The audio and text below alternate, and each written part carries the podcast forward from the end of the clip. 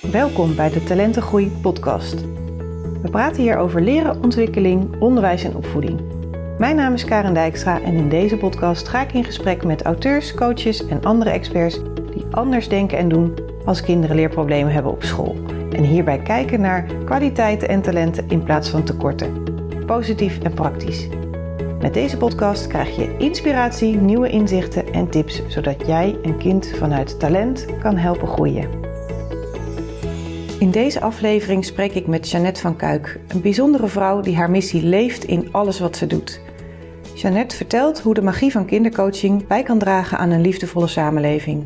Want, zo zegt zij, als kinderen leren naar zichzelf te luisteren, krijgen we een betere wereld. Jeannette noemde zichzelf kindercoach toen zij na een aantal jaar voor de klas te hebben gestaan haar eigen praktijk startte. Zij is een van de eerste geweest en heeft dit mooie vak op de kaart gezet. Inmiddels leidt zij kindercoaches op vanuit de Magie van Kindercoaching, het bedrijf dat zij samen met haar man heeft. Als kindercoach werk je uiteraard samen met een kind, maar ook met ouders. Kijken naar behoeften in plaats van problemen en gebruik maken van talenten en de eigen wijsheid van zowel het kind als de ouders, maar ook van jezelf als coach. Met als doel om in korte tijd weer in een positieve flow te komen, waarbij ouders en het kind het vertrouwen voelen dat ze het zelf kunnen. Tips en adviezen voor ouders en kinderen werken niet, voor Jeannette. Kinderen nu al leren naar zichzelf te luisteren en zich van daaruit verbinden met anderen wel. Dit en meer hoor je in dit mooie, magische gesprek. Nou, welkom in de Talentengroei podcast. En wij gaan het hebben samen over um, kindercoaching en vooral over de magie van kindercoaching. Mm um, voor de mensen die jou niet kennen, zou jij jezelf uh, kort willen introduceren? Oeh, kort. Uh... Nou, mag ook wat langer. ik ben nooit heel kort van stof. Nou ja, mijn naam is Jeanette van Kuik. Uh, sommige mensen kennen mij nog als Jeanette Bakker of Jeanette Stam. Uh, ik ben moeder van drie kinderen, drie prachtige kinderen. En ooit was ik getrouwd en was het Jeanette Bakker. En nu ben ik getrouwd met uh, Erik en heet ik Jeanette van Kuik. Um, en uh, ja, ik ben oorspronkelijk juf. Um, wilde altijd al, vanaf kleinkind af aan wilde ik juf worden. Uh, ik speelde juf, ik deed juf. Dus dat juf zijn, dat, dat wilde ik echt heel, heel, heel erg graag doen. Um, wat alleen gebeurde was dat ik op de basisschool liep ik, was ik, ja, noemden ze, vroeger noemden ze dat een voorlijk kind. Hm. Uh, ik had mezelf leren lezen en ik was uit, uiteindelijk altijd dat kind dat andere kinderen mocht helpen die het iets uh, langzamer deden. En uh, ik heb nooit leren leren. Ik snapte het altijd wel, dus ik hoefde daar nooit heel veel moeite voor te doen. Vervolgens kwam ik op de middelbare school, op het gymnasium, wist ik veel. ik, ik had werkelijk geen idee. Uh, ik, ik snapte dingen niet. Ik begreep de context niet. Die werd ook niet aangereikt. Ik moest maar gewoon stampen en uit mijn hoofd leren. En wat ik merkte is, ik had vooral echt een context nodig. Ik moest weten waarom, waarom leer ik dit? Waar doe ik dit voor? Wat heb ik hier aan? Hoe kan ik dit in mijn dagelijks leven gebruiken? En dat merk ik nu ook in mijn lessen, dat ik daar ook echt wel een talent van heb kunnen maken om het direct te koppelen aan, aan het dagelijks leven en aan, aan wat er nodig is. Um, dus nou ja, middelbare school, uh, gymnasium blijven zitten, ateneum maar gedaan, doorgegaan naar HAVO en uiteindelijk met een eindexamen gezakt op drie tiende punt. Oh. Maar joh, je moet me niet vragen. Weet je, ik heb economie gedaan. Wist, ik wist echt niet wat ik deed. Ik, ik heb puur op gok, multiple gok gedaan. En uh, ik weet wel nog dat ik een, uh, we moesten een, uh, voor het eindexamen een iets schrijven. Een, een hoe noem je dat ook alweer? Zo'n essay. Nou ja. of? Uh, ja, zoiets. Je moest iets schrijven, een verhaal schrijven. En ik vond hem zo mooi. En ik had er diepere lagen in. En ik vond echt dat ik oprecht gewoon echt iets moois had geschreven. Ik weet niet meer waarvoor over, maar ik weet wel dat ik er heel tevreden over was. En ook echt versteld stond van mezelf. En mijn, ja, mijn, mijn, hoe ik dat had gedaan. En ik kreeg als cijfer een, een 6,2. Uh, omdat er heel veel stijlfouten in zaten. En uh, ik had ook echt bij mezelf zoiets van, hoe dan? Ik heb toch iets heel moois geschreven. Uh, ze was echt heel teleurgesteld en gezakt. Toen ben ik maar naar Zwitserland gegaan, uh, ben daar au geworden. Ik ben daarna in Duitsland in de horeca beland. Op Urk in de horeca beland. In Emmeloord in de horeca beland. En toen kwam dat stemmetje van binnenuit van, joh, maar jij wou toch juf worden? Hm. En toen was ik 21 en kon ik mijn toelatingsexamen de PABO gaan doen. En dat heb ik vier jaar gedaan. Ik was een vis in het water. Ik ben ook voor de klas gekomen. Ik heb dat tien jaar gedaan. Van groep 1 tot en met groep 8. Ik ben intern begeleider geweest. En het was goed, het was fijn. Ik was daar echt op mijn plek. Echter, ja, ik kwam in een burn-out door heel veel omstandigheden en door een nieuwe schooldirecteur die heel anders in het onderwijs stond. Ik wilde met kinderen praten in plaats van over kinderen. Als ik met ouders sprak, dan nam ik graag het kind daarbij mee. Zo, want het gaat uiteindelijk over jou. Uh, ik wilde het kind graag betrekken bij zijn eigen ontwikkelingsproces. Dat was twintig jaar geleden niet zo. Mhm. En um, daarom was ik toen al een soort van anders denkende voorloper. En dat werkte op een gegeven moment niet meer. Dus ik heb uh, in mijn burn-out besloten, ik stop ermee. Ik uh, dien mijn ontslag in. Ik heb toen nog iets van een half jaar voor de klas gestaan met heel veel plezier. Met heel veel kinderen van toen heb ik echt nu nog uh, contact. Oh, mooi. Um, ja, dat was echt heel leuk. En toen ben ik mezelf, ik ben een praktijk begonnen en ik noemde mezelf kindercoach. En dat was toen nog niet. Ik vermoed dat er wel meerdere waren, maar we kenden elkaar niet. Mhm. Eh, en uh, dat was twintig jaar geleden dat ik uh, begon en dat ik maar wat deed. En puur op mijn gevoel. En ik ben wel steeds gaan onderzoeken, zo van waarom zou dit werken? Ik kwam uiteindelijk een keer de matrixmethode tegen. Dat ben ik gaan doen. En toen wou ik graag weten van ja, maar wat zit daaronder? Wel, waarom werkt dit? Ja, het was NLP en het werkt zo. Nee, waarom werkt dit echt? Dus ik ben psychologie gaan studeren. Hm. Um, en ik ben systemisch werk gaan doen. Dus ik ben elke keer als ik iets tegenkwam op mijn pad, dan ging ik onderzoeken waarom het werkt zoals het werkt. Want ik wilde dat ik het naar ouders en kinderen goed kon onderbouwen. Mhm. Ja, en daar kwam op een gegeven moment kwam daar een, uh, een moment dat ik uh, voelde van ik wil alles wat ik heb geleerd, wil ik graag doorgeven. Ik wil het leren aan anderen. En dat is in 2007 is dat uh, in een soort concept gekomen. En ben vanaf 2000, vanaf januari 2008, ben ik ook echt opleidingen gaan geven aan uh, mensen om kindercoach te worden. En inmiddels zijn er al heel erg veel mensen door mij opgeleid.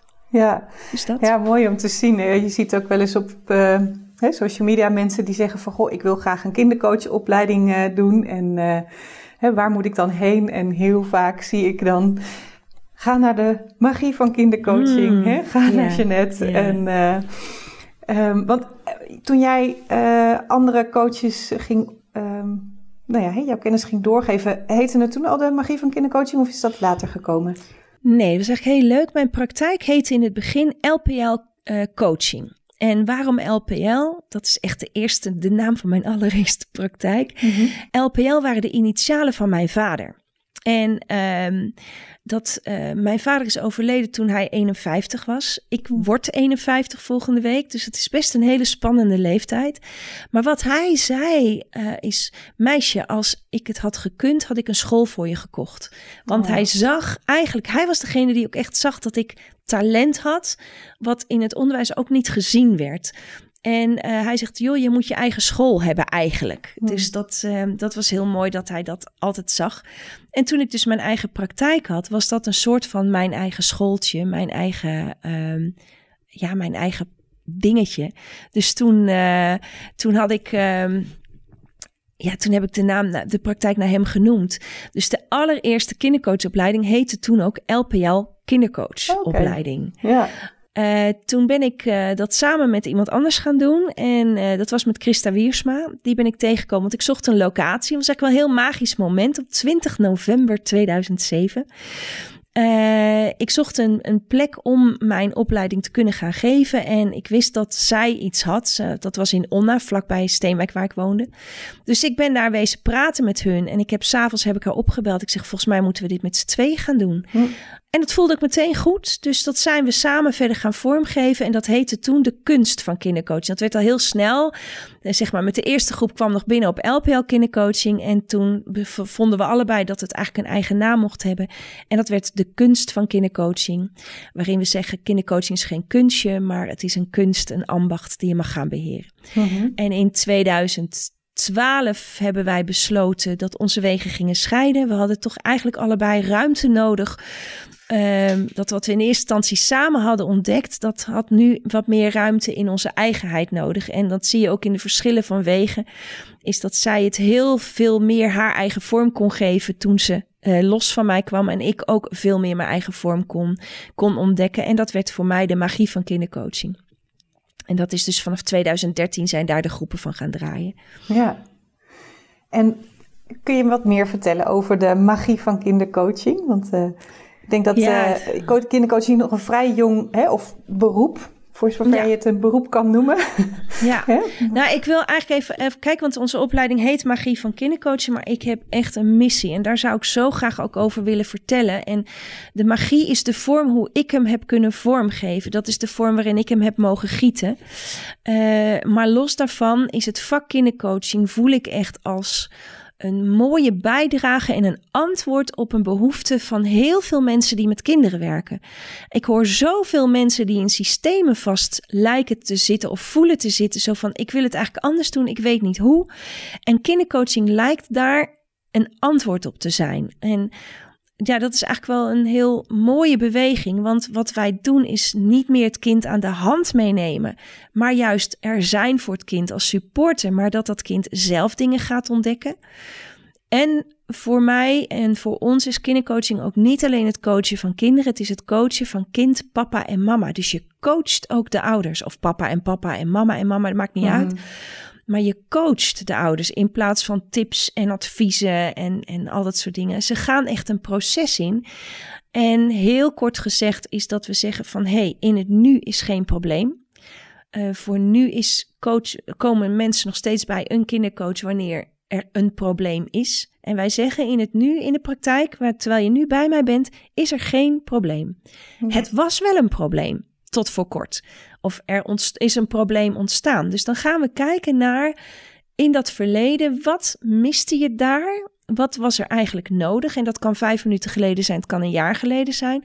Maar wat wist, miste je daar wat je eigenlijk nodig had gehad? En dan kan het zijn dat de papa bijvoorbeeld zegt van, ik miste tijd om echt even naar mijn dochter te luisteren. En mama kan zeggen van, um, ik, ik miste, ik was zo verdrietig en zo geraakt omdat mijn dochter gepest is, dat ik gewoon even miste de, de, hoe ik dat moest doen. En het kind kan zeggen bijvoorbeeld van, um, ik miste misschien wel um, zinnen om uit te spreken. Ik miste woorden om te zeggen. Ik miste, ik miste de hoe ik dat moest doen. Nou, en als we dat hebben uitgerafeld, dan kunnen we naar de toekomst kijken van, hey, en hoe wil je dat dan in de toekomst? Stel, het gebeurt morgen weer. Mhm. En dan gaan we dat uitrafelen en dan komt er een soort van korte training, korte oefening. Waarbij de papa een heel ander traject ingaat. Natuurlijk van, hé, hey, als jij tijd tekort komt, waar ligt dat aan? En waar gaat je aandacht dan eigenlijk naartoe? En waar zou je tijd voor willen hebben? Nou, dan merk je dat er een heel ander coachtraject uit ontstaat. Als de mama die geraakt is van pijn uit haar eigen verleden. Nou, en dan zie je dus dat er, en kinderen ook, het is, het is zo'n mooie, mooie manier om mensen eigenlijk in hele korte tijd weer in een positieve flow te krijgen, waarbij ze het gevoel hebben van wij kunnen dit zelf.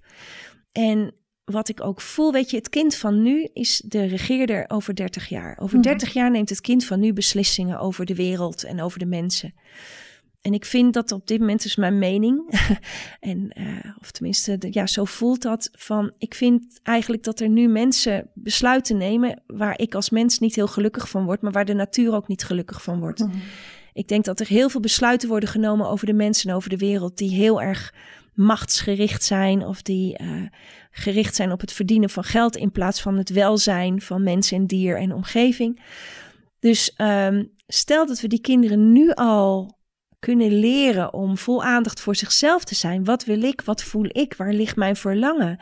Maar ook hoe stem ik af, af op de ander? Wat kan ik voor de ander betekenen? Een stukje zingeving. Als ik iets meemaak, hoe kan ik dan mezelf helpen? Of waar kan ik hulp zoeken zodat ik het zelf weer kan? Mhm. Als kinderen daar nu al een soort mogelijkheid in krijgen om dat te gaan doen, in plaats van zoals ik het heb geleerd, luister naar mij, want je moet doen wat ik zeg. Mhm. Uh, dat het is van luister naar jezelf, want jij weet het beste. Uh, ja, dan, uh, dan, dan geloof ik oprecht dat we een betere wereld kunnen gaan creëren met elkaar. En dat is voor mij de magie. Ja, nou, prachtig. Echt super mooi hoe je dat vertelt. Um, en um, je geeft opleidingen hè, uh, mm -hmm. aan mensen die nou, ook die magie meer willen leren uh, kennen. En je bent ook een podcast uh, begonnen. Het is wel heel leuk ja. dat we hier zo Ja, het is voor het eerst dat iemand met mij een podcast opneemt. Oh, Oké, ja. okay, kijk eens aan. En wat ik ook nog heel grappig vind is, wij nemen het op op de dag van de leraar. En uh, nou ja, ja. je vertelde net natuurlijk dat je ook...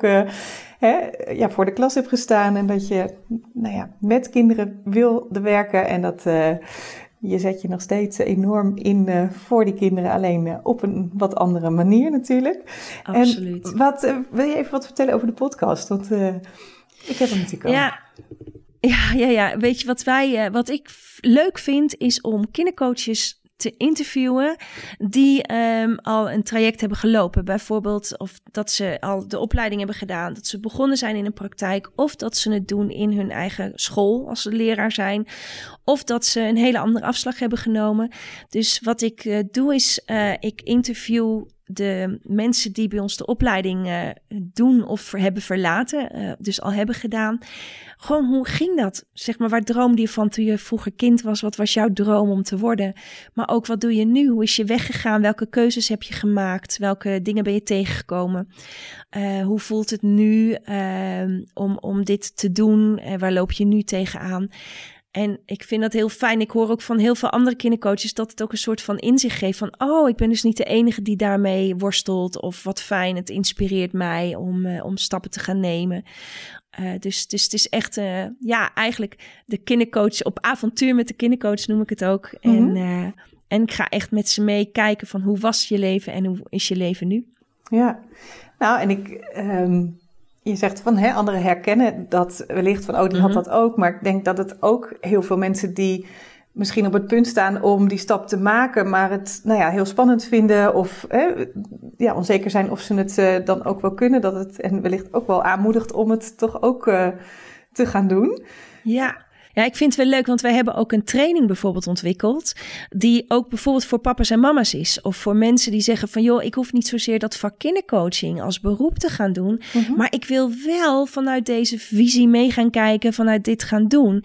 En dat is een, een training van vijf keer. Um, en dat bijvoorbeeld gasthouders vinden dat ook een hele leuk. Er komen ook uh, gasthouders die zeggen van... hé, hey, weet je, ik ben gasthouder, ik sta voor mijn beroep, ik hou ervan... en ik wil gewoon eens eventjes weer bijscholing... of ik wil even geïnspireerd worden. En dan komt dus dat kindercoaching steeds weer om de hoek. Ik zie dat ook bij steeds meer professies die met kinderen werken... dat kindercoaching steeds vaker genoemd wordt... Uh, en dus we hebben ook een product ontwikkeld, niet zozeer als opleiding tot kindercoach, maar ook als, als inspiratie voor, um, ja, voor mensen die daar ook een beetje wat mee willen doen. Mooi, ja, dat wist ik niet. Wat leuk dat je dat uh, nu ook uh, vertelt. Want dat is denk ik, hè, dan ja, kunnen mensen toch die uh, waarden en hè, dingen daaruit ja. meenemen, zeg maar. Want ik, ben, ik heb zelf, hè, mijn achtergrond is nou ja, orthopedagoge. zo ben ik opgeleid. Mm -hmm. En nou ja, wat je vertelt over, hè, we werken niet alleen met het kind, maar ook met de ouder. Dus dat doe ik ook altijd. En um, uh, dus ik zag ook ergens zo mooi van welke um, insteek hè, jij werkt, is uh, verwondering. En vroeger was ik onderzoeker en ik zeg nu wel eens van nou, ik ben eigenlijk meer wonderzoeker nu. Oh ja, wauw. Ja, en uh, dat het gaat om die bewustwording bij kinderen en um, uh, nou ja, dat je, zowel jij als coach, hè, maar ook het kind zelf, dat je het uit jezelf laat komen. Hè? Het zit er al in. En nou ja, de kunst is van hoe kun je die talenten en kwaliteiten gaan, gaan inzetten. Mhm. En ehm, ehm, je hebt ook boeken geschreven. Ik maak even een um, switchen, maar uh, ik zit in mijn achterhoofd met van nou, hè, um, kindercoaching, ja, hoe doe je dat dan? En hè, volg je dan bepaalde stappen? Hè, is daar dan een methode voor? Um, wil jij daar wat over zeggen? ja, nou weet je wat, wat wij eerst, in, vooral in onze opleiding, wat wij heel erg belangrijk vinden, is dat degene die opgeleid wordt gaat onderzoeken van, en dat klinkt even heel therapeutisch, maar waar ligt mijn eigen pijn? Heel veel mensen willen eigenlijk kindercoach worden om pijn uit hun eigen, pijn uit hun eigen verleden ehm, op te lossen. Ehm, ik noem even een voorbeeld en uh, als degene dit hoort, dan weet ze dat ik het over er heb. Er deed iemand een opleiding en die is als kind echt pijnlijk gepest. Echt enorm. En toen ze haar verhaal ook aan mij vertelde, de tranen sprongen in mijn ogen. Ik dacht, oh meisje, wat een, wat een pijn. Wat wilde zij gaan doen? Haar missie was, dit mag nooit meer gebeuren. Er mag geen kind meer gepest worden. Ik, ehm, ik ga een coach, kinderen coachen die te maken hebben met pesten. Nou, ik heb met haar, ze heeft uh, een driejarige, de driejarige opleiding bij ons gedaan. En ik heb ook steeds tegen haar gezegd van laat die gepeste kinderen eerst los. En ga eerst onderzoeken of je eigen gepeste kinddeel, of dat geheeld kan worden. Want anders ga je bij elk kind steeds weer geraakt worden in dat eigen stukje, wat hè, jouw eigen gepeste kind. En ga je via die kinderen eigenlijk jezelf coachen of jezelf helpen. En uh, zij heeft het gedaan. Ze heeft het met, met, met echt alles aangepakt wat ze maar kon. En um, fantastisch. Zij heeft afgelopen zaterdag haar meesterproef gedaan. Ik heb, ik heb alleen maar zitten huilen. Wat een geweldige weg is zij afgegaan. En inderdaad, zij gaat geen kinderen coachen die te maken hebben met pesten. Zij gaat ouders en kinderen begeleiden naar het echt houden van jezelf. Zelfwaardering, zelfliefde. En, en zo vol, vol liefde vertelde ze dat vanuit de liefde voor zichzelf. En haar pijn was geheeld. Dus stap 1 is echt naar jezelf kijken van welke stukken zitten er nog in mij die aandacht nodig hebben voordat ik überhaupt met kinderen aan de slag ga. Want stel dat zo'n kind dat laat zien aan mij, dan word ik zelf geraakt. Dat heet het projectiemechanisme. Mhm.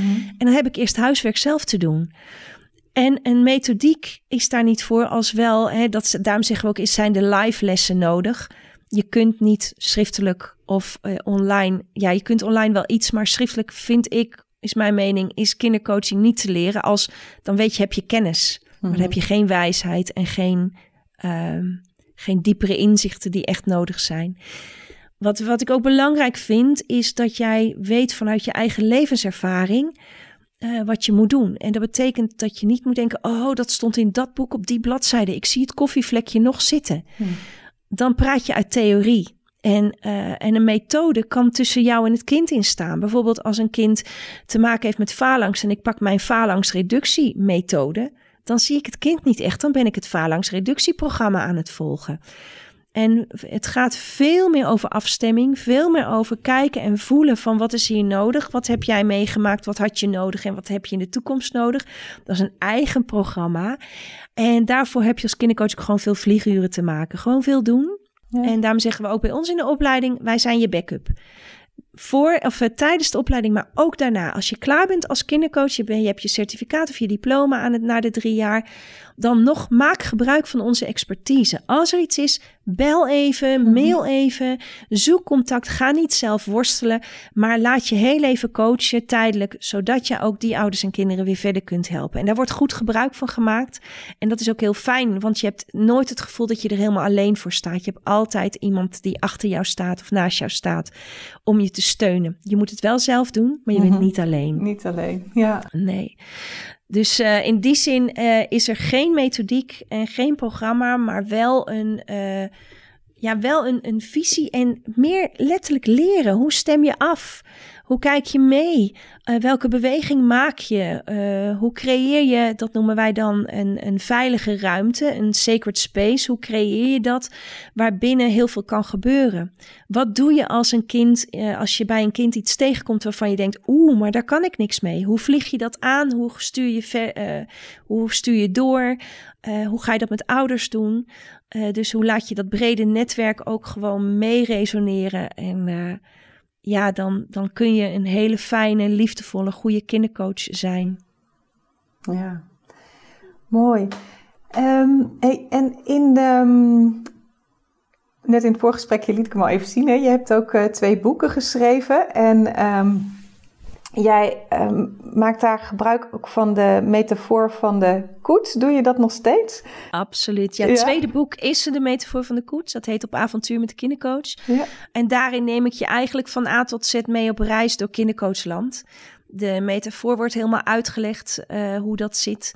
En uh, we stappen uit op diverse leuke uitzichtsplekjes en uh, bezienswaardigheden in kindercoachland. En daar vertel ik dan wat over. Dus dat is het boek Op avontuur met de kindercoach.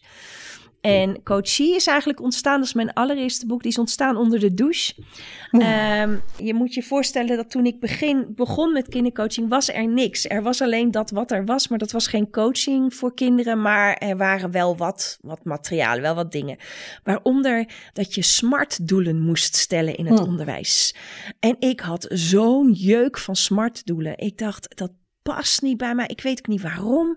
Ik vond het allemaal zo, zo klinisch of zo weet ik veel wat ik ervan. Maar ik kon daar niks mee. Dus toen stond ik onder de douche en toen dacht ik coachie, coachie, coachie. En toen ging ik die letters C-O-A-C-H-E-E, -E, ging ik helemaal uitwerken van wat is nou, uh, wat moet ik nou als stappen? En daar heb ik dus de coachie stappen voor het stellen van doelen heb ik uitgewerkt. Eigenlijk in een soort schema. En daarna heb ik, dit heb ik met heel veel kinderen gedaan. En ik heb die kinderen gevraagd van jongens, ik ga een boek schrijven. En ik wil eigenlijk dat stukje, een klein stukje uit jouw coaching. Wat ik zo leuk, want het was meer dan dat. Maar gewoon een klein stukje eruit. Mag ik dat in mijn boek schrijven? Nou, dat vonden ze natuurlijk super tof. Ja. Dan mocht, ze mochten kiezen welke naam wil jij voor jezelf? Maar je mag je eigen naam doen, maar je mag ook een naam van iemand anders kiezen, want misschien vind je dat veiliger. Daar overleg dat met je ouders. Dat hebben ze gedaan. Je mag ook kiezen, wil je, ik ben natuurlijk jouw coach geweest, maar je mag kiezen, wil je uh, een andere naam voor de coaches? Dus we gaan er helemaal een eigen verhaal van schrijven. En dat heb ik samen met die kinderen gedaan en dat was super tof om te doen. En dus heb ik allemaal casuïstiek aan het ach achter in het boek gedaan, uh zodat de lezer ook weet van, oh, hoe werkt ze daar nou mee? Hoe doet ze dat nou? En dat puur ter inspiratie. En uh, ja, dat wordt ook nog veel door, uh, door coaches gebruikt. En ik heb daarnaast in dezelfde periode, ja, dit is wel even leuk om te vertellen, denk ik. Uh, want ik wilde eigenlijk een spel maken. Er was nog geen materiaal op de markt voor kindercoaching. Nog niks. En de vragen die ik vanuit de kindercoach kreeg, was elke keer: welke vragen moet ik stellen? En uh, toen dacht ik van ja, welke vragen moet je stellen? Dat is toch logisch voor mij. Maar ik dacht, weet je wat? Ik ga gewoon alle vragen die ik weet, alle materialen die ik gebruik, ik ga gewoon dat eens bij elkaar rapen. En ik heb daar een spel van gemaakt, het coachie-spel. En mhm. mijn achterbuurman, Raymond van der Knaap van 248 Media, die, uh, die, die, ja, die, daar sprak ik af en toe wel eens mee. En ik zei tegen hem, ik wil een spel maken, ga je me helpen? Hij zegt, vet, maar ik ben een uitgeverij voor boeken. Dan ga jij een boek schrijven. Ik zeg, oké. dus, en in drie maanden tijd heb ik het spel en het boek um, vorm kunnen geven. En uh, dat, was, uh, ja, dat was heel bijzonder. Volgens mij was dat in 2010. In oktober geloof ik ben ik begonnen. En in, uh, wat was het, in uh, december, november, december lag alles bij de uitgever. Het voordeel oh. van een uitgever is dat hij zei, er moet een handleiding bij. Ik, oh, oké, okay, schrijf ik een handleiding. En toen zei hij, je moet nu de kaartjes aanleveren. Oh, nou dan maak ik kaartjes. Dus dat was heel fijn dat ik elke keer die stok achter de deur had. Ja. En uh, uh, zodoende kon ik dus ook uh, kon ik dat creëren. En nog iets heel moois. Ik vertelde je al dat mijn vader is overleden toen hij 51 was. Dat was al voordat ik mijn eigen praktijk had. Ruim voordat ik mijn eigen praktijk had. En um, mijn moeder heeft een nieuwe man leren kennen en die is hertrouwd. En toen ik dat spel, uh, toen ik dat had, moest dat natuurlijk ook geproduceerd worden. Nou, um, als je mocht je al bedenken om een spel te gaan ontwikkelen, weet waar je aan begint. Want daar komen echt reuze veel kosten bij kijken. en wat zei mijn uh, stiefvader? Die zei: Je vader zou dit gewild hebben. Ik ga je steunen, ik ga je supporten. Ik ga dat geld uh, aan je voorschieten. Je moet het wel terugbetalen. Hmm. Maar het mooiste was dat hij dus zei: Je vader zou dit gewild hebben. Nou, echt. Ik, dat was zo'n. Oh, ik ben die man nog dankbaar. Wat was dat een mooi, mooi gebaar. En daar is dus het coachie-spel uit ontstaan. En het boek coachie en het spel coachie hebben dezelfde voorkant, maar staan los van elkaar. Ja. Jeetje, wat uh, mooi hoor. Ja. ja, fantastisch. Ja. Um, jeetje.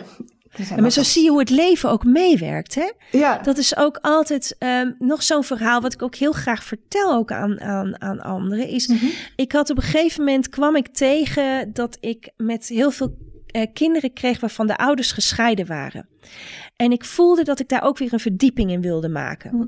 Nou, even een van de dingen. Ik, toen ik mijn eigen praktijk begon, was ik zeer idealistisch en ambitieus. En ik dacht, dat ga ik doen. Ik heb mijn baan opgezegd. Ik had geen recht op uitkering, niks. Dus ik ben gesprongen in het diepe. Dat betekende dat ik in het begin echt, echt, echt heel erg moest zoeken naar inkomsten. Want die mhm. waren er gewoon niet. Uh, ik weet nog dat ik naar een leerling of naar een kind moest. Een leerling, het was een coachie. Uh, ik ging in het begin op locaties. Ik ging naar ze toe met mijn autootje en ik had geen geld uh, voor benzine. Toen vond ik nog in een spijkerbroek een briefje van 10. Ik dacht, oh, ik kan gelukkig nog tanken. Dus dat heb ik gedaan. En ik hoopte dat die mensen contant zouden betalen. En dat deden ze. Maar goed, ik voelde ook dat ik weer een verdieping in wilde. En ik uh, wilde heel graag met, met die kinderen en die ouders beter begrijpen die in een scheiding zaten. Ik had daar toen nog niks mee, uh, mee uh, in ervaren zelf. Maar ze kwamen wel op mijn pad. Dus toen kwam ik de kunst van mediation tegen. En dat was een opleiding bij Chiquita Welmerink en Frans Hiel. Het bestaat helaas nu niet meer, maar hm. Ik voelde dat ik daar wil zijn. Een van de dingen was dat Chiquita had daarin staan dat de, dit een eerbetoon was aan haar vader. Dus dat raakte mij natuurlijk al in dat eerbetoon wat ik aan mijn vader had in dat LPL. Mhm. En uh, dus ik voelde dat ik die opleiding wilde gaan doen. Alleen die opleiding was uh, meer dan 4000 euro. En dat geld had ik echt niet. Maar dan ook echt niet. En toen, um, het was, ik geloof 16 december, was de vervaldatum van het betalen van de factuur. En ik dacht, weet je, ik ga die, ik ga die mensen maar bellen dat ik het niet kan doen. Dat ik het af moet zeggen, dat ik het geld niet heb. Uh, laat maar zitten. Dus ik pakte de telefoon en met ging die over. Dat heb je wel eens, hè? Dat, je, mhm. dat was nog zo'n draadjestelefoon, oh by the way. Ja. En uh, dus ik pakte hem op om het nummer te typen. Belt mijn moeder. Nou, zegt ze, moet je nou eens kijken? Ik, er is gewoon een stukje van de erfenis van je vader losgekomen. En ja, dat had ik nooit verwacht. Maar uh, ik weet goed gemaakt, ik ga het verdelen en jullie krijgen allemaal een bedrag op je rekening. En dat bedrag was exact, wow. exact het bedrag van de opleiding. Exact. En toen had ik een keus. Of ik stopte het in de huishoudpot, wat het ook wel nodig was. Maar ik voelde, nee, dit is cadeautje van pa. Ik ga dat in de opleiding stoppen. Nou, dit is natuurlijk een heel mooi verhaal. Maar wat ik er eigenlijk mee wil vertellen is... als er iets is wat je echt wilt, maar ook mag doen... omdat je talenten er liggen... of mhm. omdat je weg daar gaat, omdat het je missie is. Het leven werkt op miraculeuze wijze werkt mee. Dat is gewoon magie. Mhm. Dat is zo mooi. Uh, en daar, daarop vertrouwen, ja, dat kost wel wat, maar het, ja, het heeft wel wondertjes uh, gebracht. Ja, ja. Ik weet niet, ken je Loenies dat? Nee. Nee? Oh, die. Nou. Iedereen, ga haar volgen. zij is ook helemaal hiervan. En, en hmm. zij zegt ook van volg uh, wat aan je trekt. Hè? En jij er ook nog, ja, ik voelde gewoon dat ik die hè, ja. daar moest zijn. En het hoe komt dan wel, zeg maar. En hè, dat is ah, precies ja. ook wat jij vertelt. Dat, uh, ja. En inderdaad, het vraagt heel veel vertrouwen. Maar als je dat kan doen, dan, dan ja, gebeuren er inderdaad magische dingen. Als. Ja, dat hebben wij ook van. Wij hebben altijd twee keer per jaar een magische plek. Dat zijn eigenlijk opleidingsplekken die mensen, uh, waar mensen mogen, dan hoeven ze niks te betalen. Het komt allemaal uit onze pot. Dus wij, uh, wij steken daar echt tijd en geld in om iemand een plek te gunnen die ook voelt: ik moet hier zijn. Ik voel, ik voel echt dat ik dit moet gaan doen. Maar ik weet echt niet meer waar ik het geld vandaan moet halen. Nou, en dan, daar zijn dus de opleidingsplekken voor. Mm. Helaas, door corona kunnen wij deze plekken dit seizoen niet bieden. En dat heeft gewoon puur met onze eigen portemonnee en terug, uh, teruglopende inkomsten te maken. Um, we redden het nog maar net nu. Heeft echt mee te maken dat we merken dat de samenleving op dit moment wacht, de adem inhoudt. Van wat gaat er gebeuren? En daarna, er is eigenlijk letterlijk, ik zie het ook bij jongeren, hè, er is zo weinig toekomstperspectief op de mhm. een of andere manier. En dat merken we toch wel. Um, ik zie ook heel veel jongeren die gewoon in een depressie schieten, omdat ze zeggen van ja, wat moet ik nu nog? Waarom doe ik het allemaal nog? En uh, gelukkig kan ik ze wel een stapje verder helpen. Maar ja, we merken dat zelf ook. Dus helaas kunnen we dit seizoen even niet. Maar zodra het wel weer gaat, zullen we zeker die plekken weer beschikbaar uh, stellen voor mensen die dat echt willen. Ja. En uh, we hebben het gelukkig ook al heel vaak kunnen en mogen doen. Ja, precies.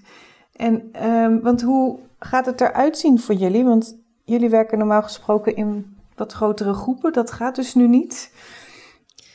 Ja, nou ja, onze groepen zijn 12 persoon, tot 12 personen, dus dat kan prima. Okay, je mag tot 30 mensen. Gaan we de lockdown weer in? We hebben het afgelopen seizoen hebben we heel erg veel online gedaan. We hebben de lessen niet vervangen. De live lessen blijven, omdat we dat te belangrijk vinden. We hebben mhm. eigenlijk, eigenlijk wel wekelijks meerdere webinars gegeven, zodat de mensen die in waren gestapt aanbleven staan, steeds weer inspiratie konden krijgen. We hebben onze telefoonlijnen opengehouden. We hebben een initiatief ontwikkeld, dat heet, um, uh, dat is de hulplijn voor ouders. Dat is via de beroepsvereniging gegaan, die ik heb opgericht, uh, het kindercoachgilde. Um, en dat is een hulplijn waar ouders naartoe kunnen bellen als ze het even niet meer zien zitten. Daar hebben alle kindercoaches zich gratis voor ingeschreven. Maar het is tegelijkertijd voor hun wel weer voeding, inspiratie. Uh, dan maar telefonisch, maar ze kunnen in verbinding blijven met het werkveld. Mm Dus dat is, het heeft naar twee kanten toe best heel goed gewerkt. Um, dus ja, we blijven wekelijks uh, mensen inspireren en uh, ja, bemoedigen om het vooral uh, te blijven doen. Om het verschil te blijven maken. Om er voor ouders en kinderen te blijven zijn. En dat is tot nu toe gewoon helemaal prima gegaan. Ja, mooi. Nou, zo belangrijk ook. Wat je net zei van hè, de kinderen van nu, dat zijn de beslissers straks. En ja. we moeten met ja. z'n allen zorgen dat die ja, wel die hoop houden. En hè, ja. zien dat, um, nou ja, ja, wij blijven dus gewoon in contact met de deelnemers. En zelfs in contact met oud-deelnemers. Iedereen mag daar gewoon aan blijven meedoen. En omdat het een live webinars zijn, kun je ook direct hebben interactie. Dus dat blijft. Vragen kunnen meteen gesteld worden.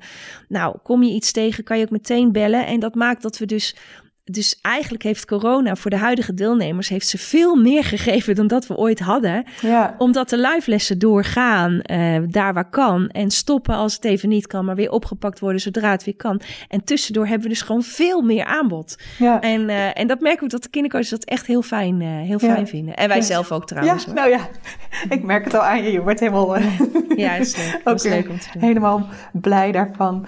Um, Wauw, ik, ja, ik heb sowieso heel veel bewondering voor wat jij allemaal doet. Want uh, je bent hey, uh, zei tussen neus en lippen even de beroepsvereniging het kindercoach gilde, maar jij bent ook oprichter van Adiona, hè, de... Ja. Uh, ja. Dus... ja, ik ben echt een pionier en um, wat, wat voor mij, waarom ik ook ooit Adiona heb opgericht in 2008, um, ehm, dat, of bedacht zelfs, want ik voelde van als je een opleiding hebt verlaten, je komt uit zo'n opleiding, dan sta je er ineens alleen voor. En in mijn behoefte was en is nog steeds om dan een soort netwerk te bieden van oké, maar je bent niet alleen. Je, je, je bent niet alleen. Je moet het wel zelf doen, maar je bent niet alleen.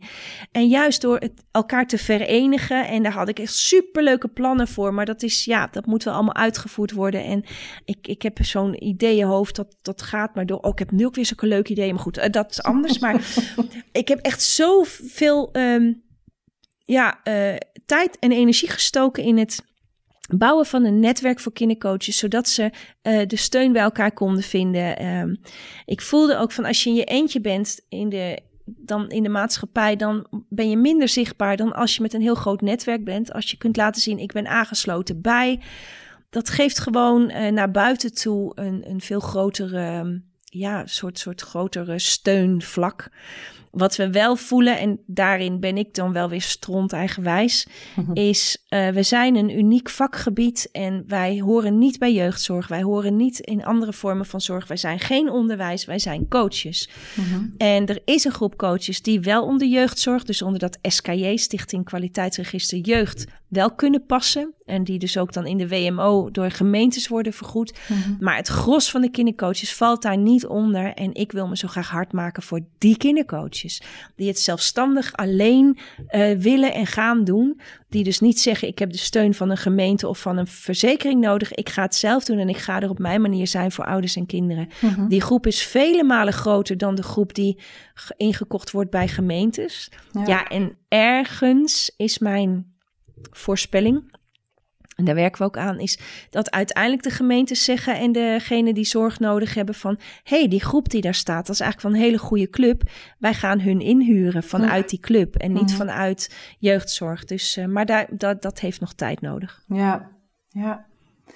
Ja, en wat zou jij, uh, hè, want uh, de Talentengroei podcast, die is voor ouders en nou ja, mensen uit het onderwijs en andere mensen die met, met kinderen werken.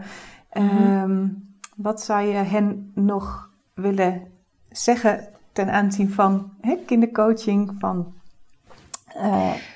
Ja, nou ja, weet je, als ik de groep leerkrachten zie, ik mag zelf weer één dag in de week, uh, de laatste dag trouwens, nee, overmorgen de laatste dag, heb ik even in het onderwijs mogen meekijken en wat mogen betekenen. Um, ik loop rond op een VMBO-school waar ik een team uh, train. Uh, er is in het onderwijs echt nog zoveel te doen aan het kind echt zien. En de methode durven loslaten om het kind te begeleiden. Er is nog zoveel vragen. En, en elke, elke leerkracht die bij ons de magie of die een kindercoachopleiding heeft gevolgd, zie ik gewoon ontspannen in: oh, nu weet ik hoe het moet. Dus als je leerkracht bent, um, ja, snuif, uh, snuffel is rond. Um, we hebben bij de magie bijvoorbeeld ook een uh, online uh, webinarreeks van vijf keer. En daar kun je gewoon vanaf thuis vanaf je computer wat inzichten. Ik deel wat ik kan, deel ik. En de vragen die ik kan beantwoorden, zal ik beantwoorden. Maar dat kan je dan meenemen je klas in, want er is echt zoveel meer mogelijk mhm. dan, uh, dan je denkt. En kindercoaching is daar een hele fijne, mooie extra aanvulling voor. Uh, dus ja, kijk, ga eens op onderzoek uit en, uh, en ja, zoek dat. En ouders, lieve ouders, je hoeft het niet alleen te doen.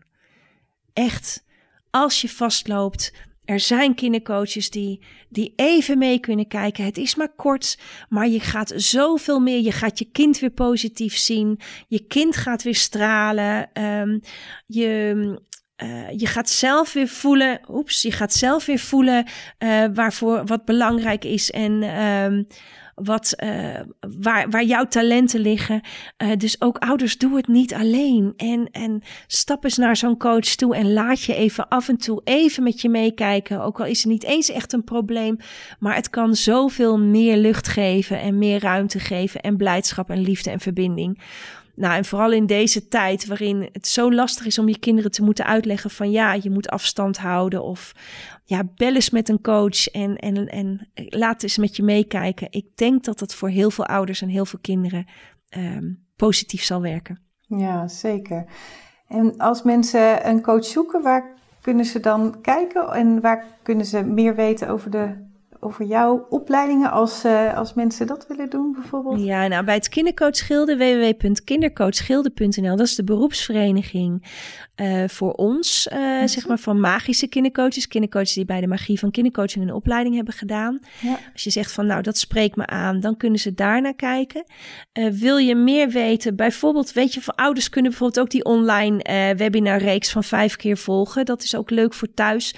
Dan kun je ook kijken op www.magievankindercoaching.nl of er even op googelen. Mhm. En ik weet dat Stichting Adiona, um, die ik als eerste heb opgericht, die heeft ook een vindcoach uh, op de website. En dat is www.adiona.nl. Daar kun je ook uh, kijken en vinden en zoeken.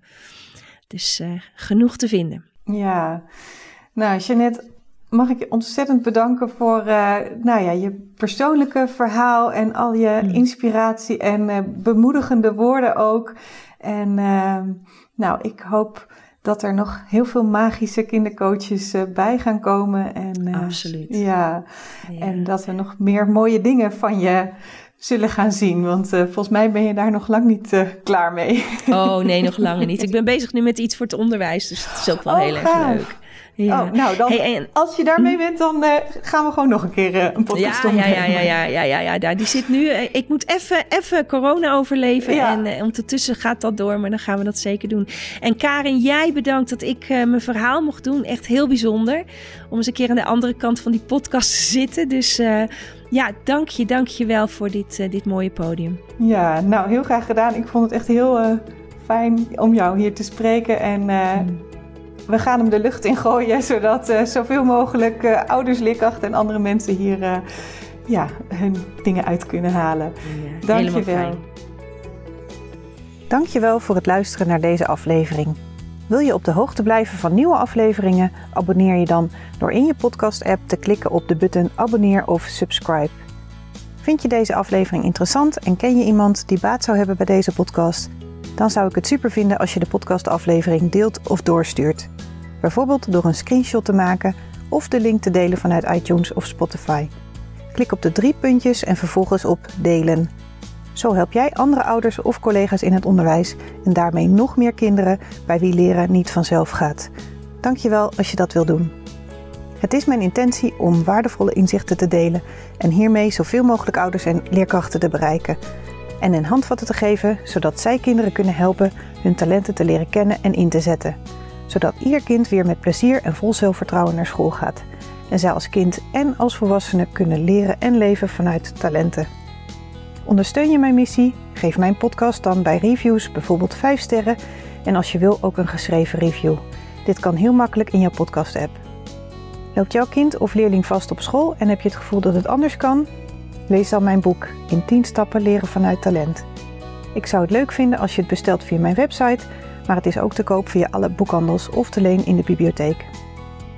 Ik vind het altijd leuk om berichtjes te ontvangen van jou als luisteraar om te horen wat je van een aflevering vindt of als het je een bepaald inzicht heeft gegeven. Stuur me dan even een mailtje via karen.talentengroei.com of een persoonlijk bericht via LinkedIn of Instagram. Zoek op Karen Dijkstra. Karen is met een E. En talent en groei, dan kan het niet missen. Dit kan uiteraard ook als je een vraag of suggestie hebt. De audiobewerking van deze podcast is verzorgd door Jeroen Sturing. Ik kijk alweer uit naar een volgende podcast. Graag tot dan.